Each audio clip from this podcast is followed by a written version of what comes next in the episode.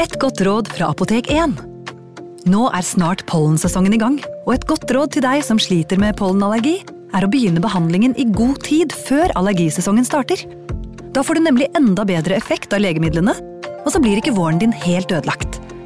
Kom innom og få råd på ditt nærmeste Apotek 1, eller chat med oss på apotek1.no.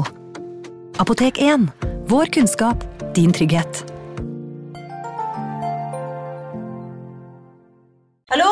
Jeg kommer fra Oslo politikammer.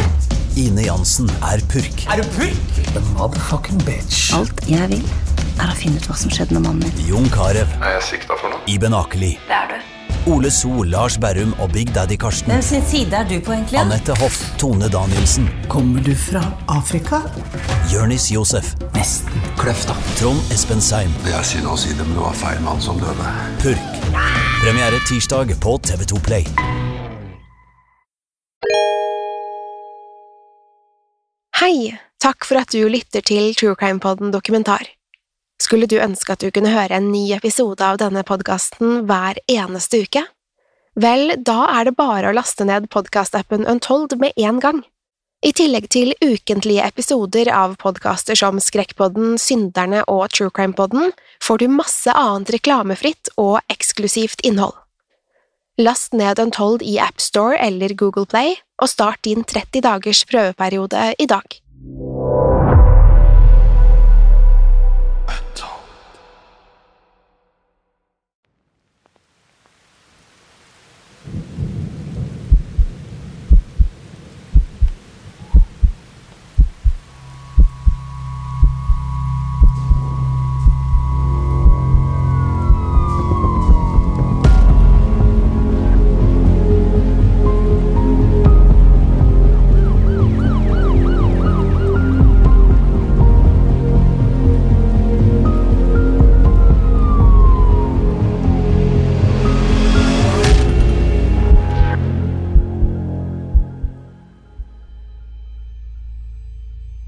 Første august 1969, San Francisco, California. Det var fredag og som vanlig travelt i lokalene til San Francisco Chronicle. Lyden av telefoner som ringte og klikkingen fra datamaskiner fylte hele kontorlandskapet. Overalt var det stemmer, noen midt i heftige diskusjoner om nyhetssaker og politikk, andre småpratet om hva de planla å gjøre i helgen. Blant de mange travle journalistene satt også Robert Graysmith. Robert var en illustratør og laget tegningene som ble trykket med lederartiklene. Han satt som alltid og jobbet med ideer til morgendagens avis. Det så lenge ut til å bli en vanlig dag på kontoret, men snart skulle alt endre seg. Hver dag fikk avisen tilsendt hundrevis av brev, og denne fredagen var ikke noe unntak. De mottok tips om nyhetssaker, klager og kronikker, alt man ser for seg blir sendt til en stor avis. Men blant disse mange brevene var det ett som snart skulle endre verdenshistorien. Konvolutten så umiddelbart ganske alminnelig ut. Den hadde to frimerker, var adressert til avisen og posttemplet den 31. juli i San Francisco. På utsiden av konvolutten var det også en instruks om at brevet måtte skyndes til redaktøren. Da redaktøren åpnet konvolutten og begynte å lese brevet, kunne han ikke begripe hva det var han leste.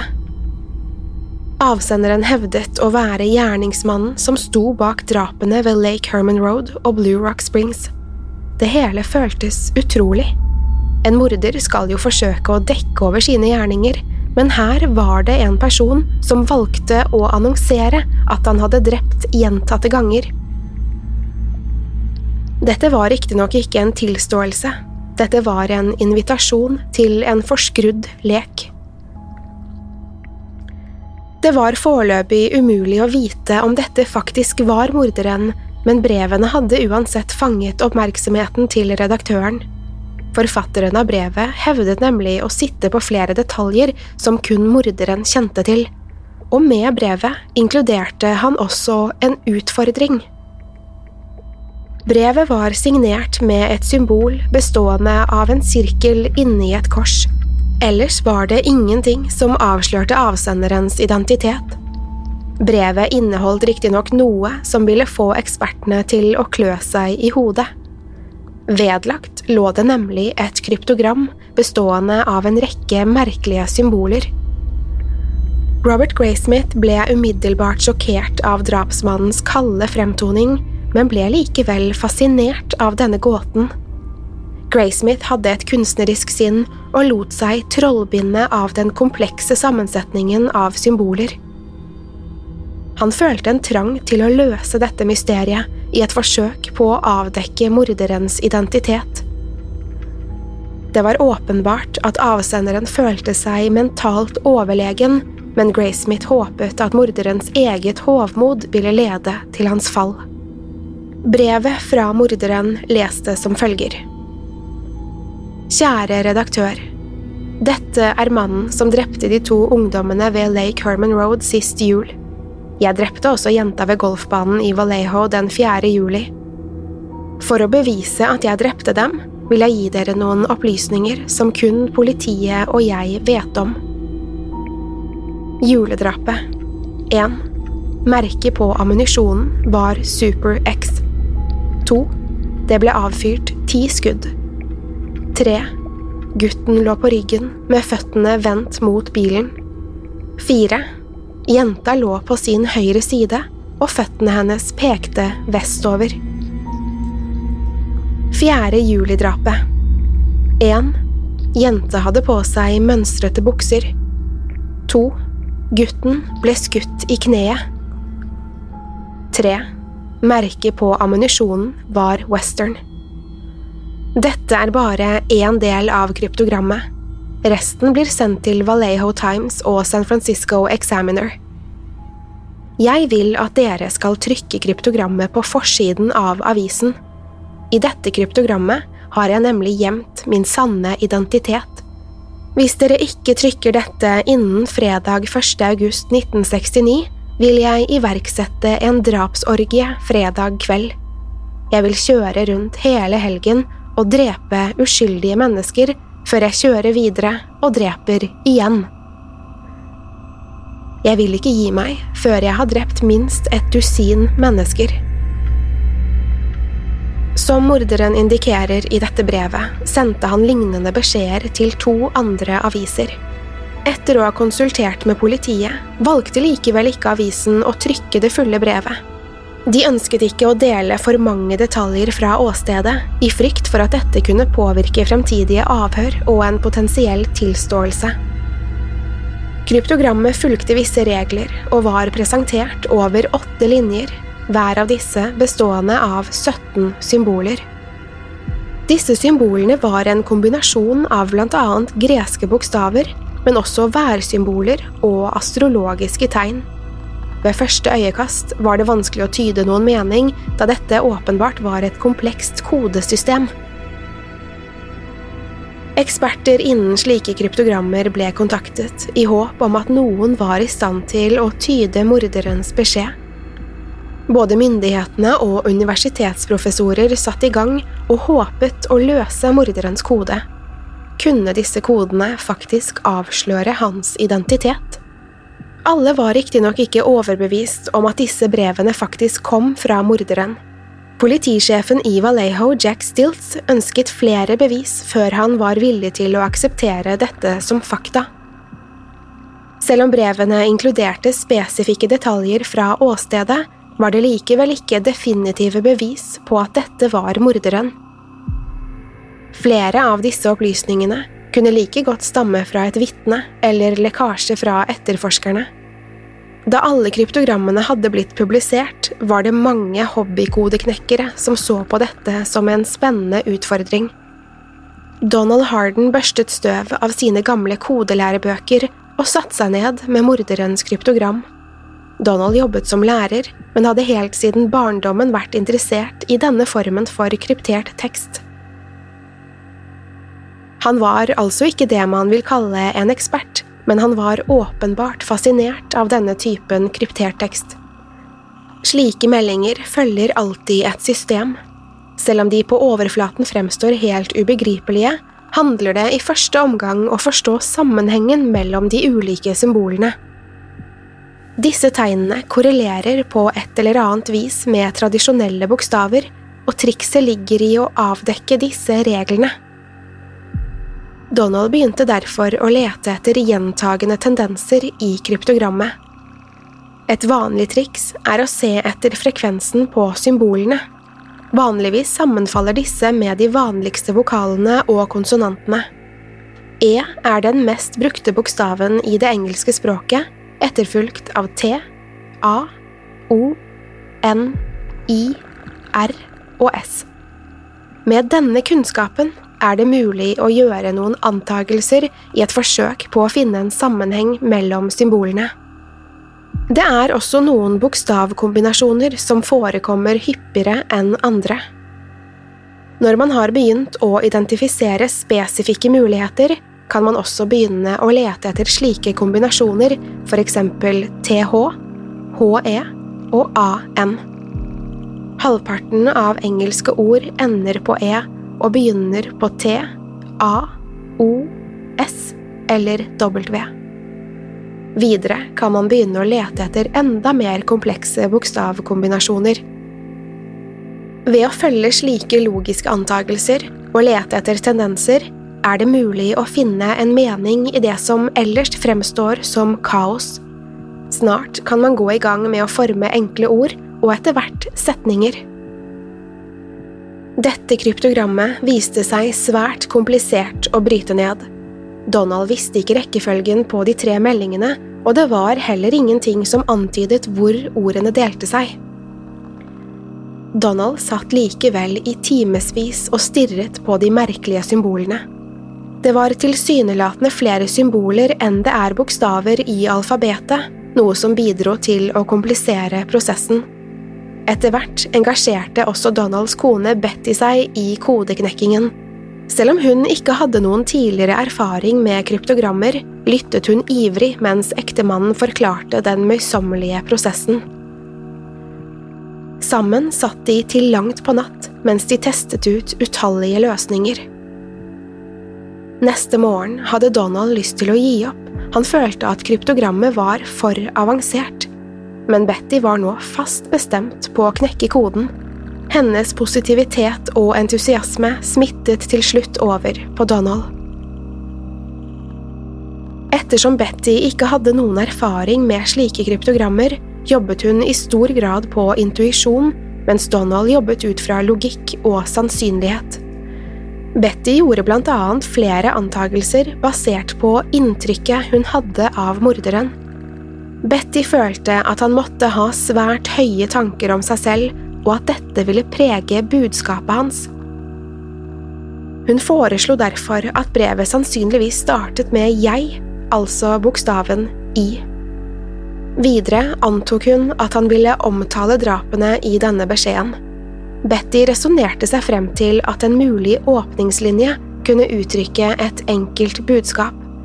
Dette ledet henne til å forstå at første linje av meldingen var Jeg liker å drepe. Dette ledet paret inn i en ny retning, og ordet drap, eller kill, ble den nye nøkkelen. Doble l-er er den mest vanlige dobbeltkonsonanten i det engelske språk, og ekteparet begynte å lete etter sammenstilte symboler. De håpet nå at dette kunne lede dem til å identifisere ordet kill. Gjennom denne øvelsen begynte de snart å føle at de var på rett vei, og snart kunne de se et mønster i den kodede meldingen. De oppdaget at avsenderen hadde brukt ulike former av kill i betydningen drap, å drepe og å ha drept. Selv om budskapet var i ferd med å åpenbare seg, var fremdeles ikke kryptogrammet fullstendig. Det var lagt inn flere feller og villspor som forsøkte å forvirre og villede. To ulike symboler kunne eksempel representere både A og S, og ved noen anledninger virket det nesten som den komplekse koden også hadde forvirret forfatteren. Etter utallige timer klarte likevel Donald og Betty å fullføre kryptogrammet. Budskapet i morderens melding var som følger. Jeg liker å drepe mennesker. fordi det er så gøy. Det er mer gøy enn å drepe ville dyr i skogen. Fordi mennesket er det farligste byttet. Å drepe noe er det mest spennende man kan oppleve. Det er til og med bedre enn å være med en jente. Det beste er at når jeg dør, da vil jeg bli gjenfødt i paradis, og de jeg har drept, vil bli mine slaver. Jeg vil ikke gi dere navnet mitt. Dere vil bare forsøke å bremse eller stoppe min samling med slaver i livet etter døden. Beskjeden avsluttes med en uforståelig linje uten noen åpenbar betydning. Det er også flere skrivefeil underveis, muligens for å komplisere kryptogrammet, eller kanskje som følge av slurvefeil. Meldingen presenteres uten tegnsetting eller oppdeling av ord, ettersom dette ikke er indikert i kryptogrammet. Det er likevel sannsynlig at Donald og Bettys tolkning er den korrekte. Selv om hundrevis av eksperter jobbet konstant med å knekke koden, var det Donald og Betty Harden som til slutt overlistet morderen. Bettys analyse av han, som en selvopptatt og selvforherligende skikkelse, ble avgjørende i å forstå hans tankesett. Meldingen avslørte mye om morderens syke. Han hadde åpenbart høye tanker om seg selv, og blandet i tillegg inn allusjoner til litterære verk.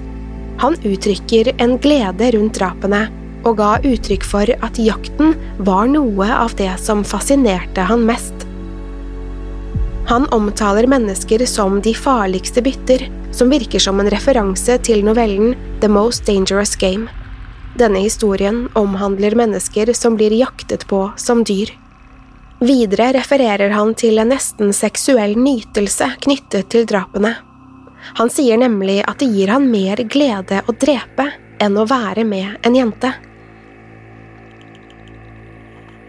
Det var ingen tegn til at forbrytelsene i seg selv var seksuelt motiverte, men denne linjen virker å antyde at dette likevel er et aspekt for morderen. Til slutt omtaler han drapene som en del av en nesten spirituell eller rituell prosess. Han ønsker å gjøre sine ofre til sine slaver i et liv etter døden. Han antyder at både han og hans ofre vil gjenforenes i paradis, og at de på dette planet vil være bundet sammen i evigheten. Likevel skjulte ikke denne koden noen større hemmeligheter om avsenderens identitet. Selv om han i brevet lovet at kryptogrammet ville avsløre hans identitet, var det ingen direkte hint som kunne hjelpe etterforskerne. I stedet skulle dette forsterke inntrykket etterforskerne allerede hadde av gjerningsmannen. Dette var en person som ønsket å spille et spill. Han var ikke bare en kaldblodig morder, denne personen var ute etter alles oppmerksomhet. Politisjefen i Vallejo hadde bedt om bevis for at dette faktisk var morderen. Politiet fryktet fremdeles at dette bare var en gærning, og at det ikke var noen reell tilknytning til de to drapene. Den 7. august lot han igjen høre fra seg. Denne gangen presenterte avsenderen seg under navnet Zodiac. Frem til dette punktet hadde både politiet og mediene brukt ulike navn og beskrivelser. Med dette hadde morderen lykkes i å døpe seg selv for all fremtid. Dear editor, this is the Zodiac speaking. Slik åpner dette brevet en enkel linje som har blitt ikonisk og uløselig knyttet til de grusomme drapene. For å svare på ønsket ditt om flere detaljer rundt moroa jeg hadde i Vallejo, kommer jeg gladelig med mer informasjon. Forresten, har politiet det gøy med koden min? Hvis ikke, be dem å muntre opp. Så snart de har løst koden, vil de vite hvem jeg er. Den 4. juli åpnet jeg ikke vinduet på bilen. Det var allerede rullet ned. Gutten satt i utgangspunktet i forsetet da jeg begynte å skyte. Da jeg hadde avfyrt det første skuddet mot hodet hans, kastet han seg samtidig bakover. På den måten ødela han sikten min. Han endte opp i baksetet og så på gulvet mens han sparket vilt fra seg med beina. Det var sånn jeg endte opp med å skyte ham i kneet. Jeg forlot ikke åstedet med svidde dekk eller en rusende motor, slik de beskrev i avisene. Jeg kjørte sakte av sted for å unngå å tiltrekke meg unødig oppmerksomhet. Mannen som fortalte politiet at bilen min var brun, var en farget mann på mellom 40 og 45, som var ganske sjuskete kledd. Jeg var i telefonen med politiet i Vallejo da han gikk forbi. Da jeg la på røret, begynte den helsikes greia å ringe, og dette fikk han til å kikke på meg og bilen min. Sist jul lurte politiet på hvordan jeg var i stand til å treffe ofrene mine i mørket. De antydet at det var en lys kveld, og at jeg kunne se silhuetten i horisonten. Tull. Hele området er omringet av trær og fjell. Det jeg gjorde, var å teipe en liten lommelykt til pistolløpet. Hvis du sikter denne mot en vegg eller et tak, vil du legge merke til en mørk sirkel i midten av lyset. Når lommelykten er teipet til løpet, vil kulen treffe akkurat i sentrum av den mørke sirkelen. Alt jeg behøvde å gjøre, var å skyte i vei. Også i dette brevet er det flere små skrivefeil. Dette kan igjen tyde på at morderen ikke nødvendigvis er en akademiker. Han hadde åpenbart brukt mye tid og krefter på å utarbeide det komplekse kryptogrammet, men det er allikevel vanskelig å si noe konkret om hans bakgrunn. Likevel var ikke politiet lenger i tvil om at dette var morderen. Han presenterte flere opplysninger som kun morderen ville kjent til. Nok en gang var riktignok Zodiac uærlig i brevene sine. Uvitende om at kryptogrammet allerede var løst, hevder han igjen at det skjulte informasjon om hans identitet.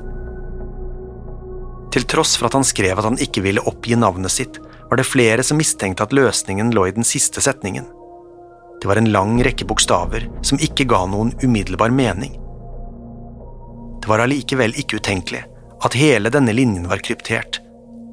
Kanskje var det et anagram eller noe lignende, hvor Zodiac hadde gjemt navnet sitt. Det skulle gå nesten en uke før Donald og Bettys løsning ble publisert i avisene. Mange ble imponert over jobben de hadde gjort, men det var den siste linjen som endte opp med å få mest oppmerksomhet. Dette ble en ny kode som måtte knekkes, og mange gikk i gang med å stokke om bokstavene eller se etter andre løsninger på gåten. Det ble satt sammen en rekke mulige kombinasjoner, som Robert Hemphill, Emmet O'Wright og Robert Emmet the Hippie, men ingen av disse navnene virket som lovende funn. Andre begynte å spekulere i at løsningen lå et annet sted. Kanskje hadde Zodiac skjult navnet sitt på mer utspekulerte måter. Hver av konvoluttene var markert 'Rush to Editor' for å indikere at brevene skulle hastes til redaktøren av de ulike avisene. Noen mente at dette kanskje var morderens signatur, og at de burde holde utkikk etter en person som het Rush. Ideen om at identiteten lå skjult i et anagram, ble snart lagt død av politiet. De undersøkte alle forslagene som kom inn, men følte samtidig at de grep etter halmstrå. Selv om flere spekulerte i at Zodiac var et geni, eller i det minste en ekspert på koder og kryptogrammer, var ikke politiet like overbevist. Han jobbet etter etablerte modeller og bygget stort sett på andres arbeid. Antageligvis var han bare en amatør. Faktum at Donald og Betty Harden, som også var amatører, var i stand til å knekke koden, underbygget denne teorien. Spørsmålet ble hvorfor Zodiac hadde valgt akkurat dette kodesystemet. Hvorfor valgte han å benytte seg av akkurat dette utvalget symboler? Antageligvis var heller ikke dette vilkårlig kunne nøkkelen til hans identitet ligge i å finne kilden til denne koden. Nok en gang engasjerte Robert Graysmith seg i saken. Som illustratør i The San Francisco Chronicle hadde han vært fascinert av kryptogrammene fra øyeblikket de ankom avisen. Han gjorde et dypdykk i bøker om koder og kryptogrammer, og fant snart mye av materialet som Zodiac hadde brukt.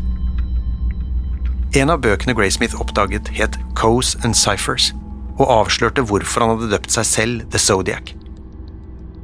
Et av alfabetene som ble presentert i denne boken, ble nemlig kalt for The Zodiac Alphabet. I dette alfabetet kunne flere ulike symboler representere samme bokstav. Det var derfor ingen tvil for Graysmith at dette var én av bøkene som hadde inspirert morderen. Det var primært to bøker som hadde inspirert kodespråket. Zodiac virket å være lokalkjent, og Graysmith antok derfor at han hadde fått tak i disse bøkene på et bibliotek i nærheten av San Francisco.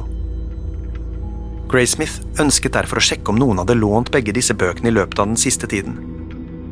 Graysmith var særlig interessert i bibliotek tilknyttet marinen, ettersom det var flere maritime symboler i kryptogrammene. Graysmith var besatt av å avsløre Zodiacs identitet. Men enn så lenge forble morderen et stort enigma. Sporene ledet ikke Graysmith noe nærmere en løsning, i hvert fall ikke ennå. Hver gang han trodde han var i ferd med å gjøre en stor avsløring, viste det seg som villspor. Bibliotekene kunne ikke tilby informasjonen han håpet på. Og Zodiac var fremdeles på frifot. Det som begynte som to iskalde drap, hadde nå vokst til noe langt større. Det var ikke snakk om drap med lettfattelige motiv. Dette var gjerningene til et sykt individ. Han tok stolthet i drapene og inviterte nå både politiet og offentligheten til en forskrudd lek. Zodiac hadde for alvor introdusert seg, og frykten spredde seg nå gjennom befolkningen. Han hadde allerede drept tre mennesker og skadeskutt en fjerde. Han uttrykte sin glede for drapshandlingene og gjorde det tydelig at han planla å drepe igjen. Dette var ulikt noe verden hadde sett tidligere. Jack the Ripper hadde skrytt til pressen om sine drap, men dette var annerledes. Zodiac forsøkte tilsynelatende å skape sin egen mytologi. Han søkte oppmerksomhet der de fleste mordere forsøker å skjule sine handlinger. Verden hadde sett grusomme drap tidligere, men dette var en ny rase. Ideen om seriemorderen var enda ikke født, men Zodiac var i ferd med å skrive et nytt kapittel innen kriminologi og drapsetterforskning. Hadde han virkelig gjemt identiteten sin i kryptogrammet? Lå navnet hans skjult et sted i anagrammet? Eller var dette bare Zodiacs måte å villede etterforskerne? Ekspertene forsøkte å tegne et bilde av hvem Zodiac var. Psykologiske profiler ble satt sammen i et desperat forsøk på å forstå hva som drev ham. Han eh, føler antageligvis at han blir sett ned på av andre mennesker. Troen på at ofrene hans vil bli hans slaver, vitner om en følelse av allmektighet. Dette indikerer at han har alvorlige vrangforestillinger som har gjort han stormannsgal. Dette var ikke lenger historien om en ustabil mann som hadde skutt fire unge mennesker. Verden hadde nå blitt introdusert for en ny type morder. Dette var en person som drepte, kun for å underholde seg selv. This is the Zodiac speaking, hadde han selv skrevet. Morderen hadde allerede gjort det svært tydelig at han ikke hadde noen intensjon om å bli ignorert. Dette var heller ikke siste gang han lot høre fra seg. The Zodiac Killer var bare så vidt i gang. Han ville drepe igjen, og han var heller ikke ferdig med å forkynne sitt budskap til offentligheten.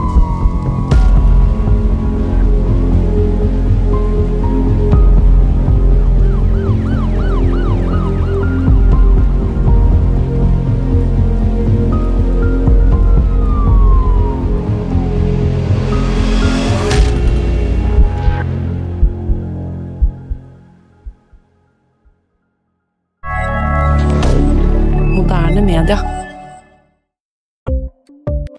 Ukens annonsør er Folio, en smartere banktjeneste for deg som har en egen bedrift eller ønsker å starte for deg selv. Folio er en superenkel nettbank for bedrifter. Som kunde i Folio får du en bedriftskonto med et bedriftskort og app.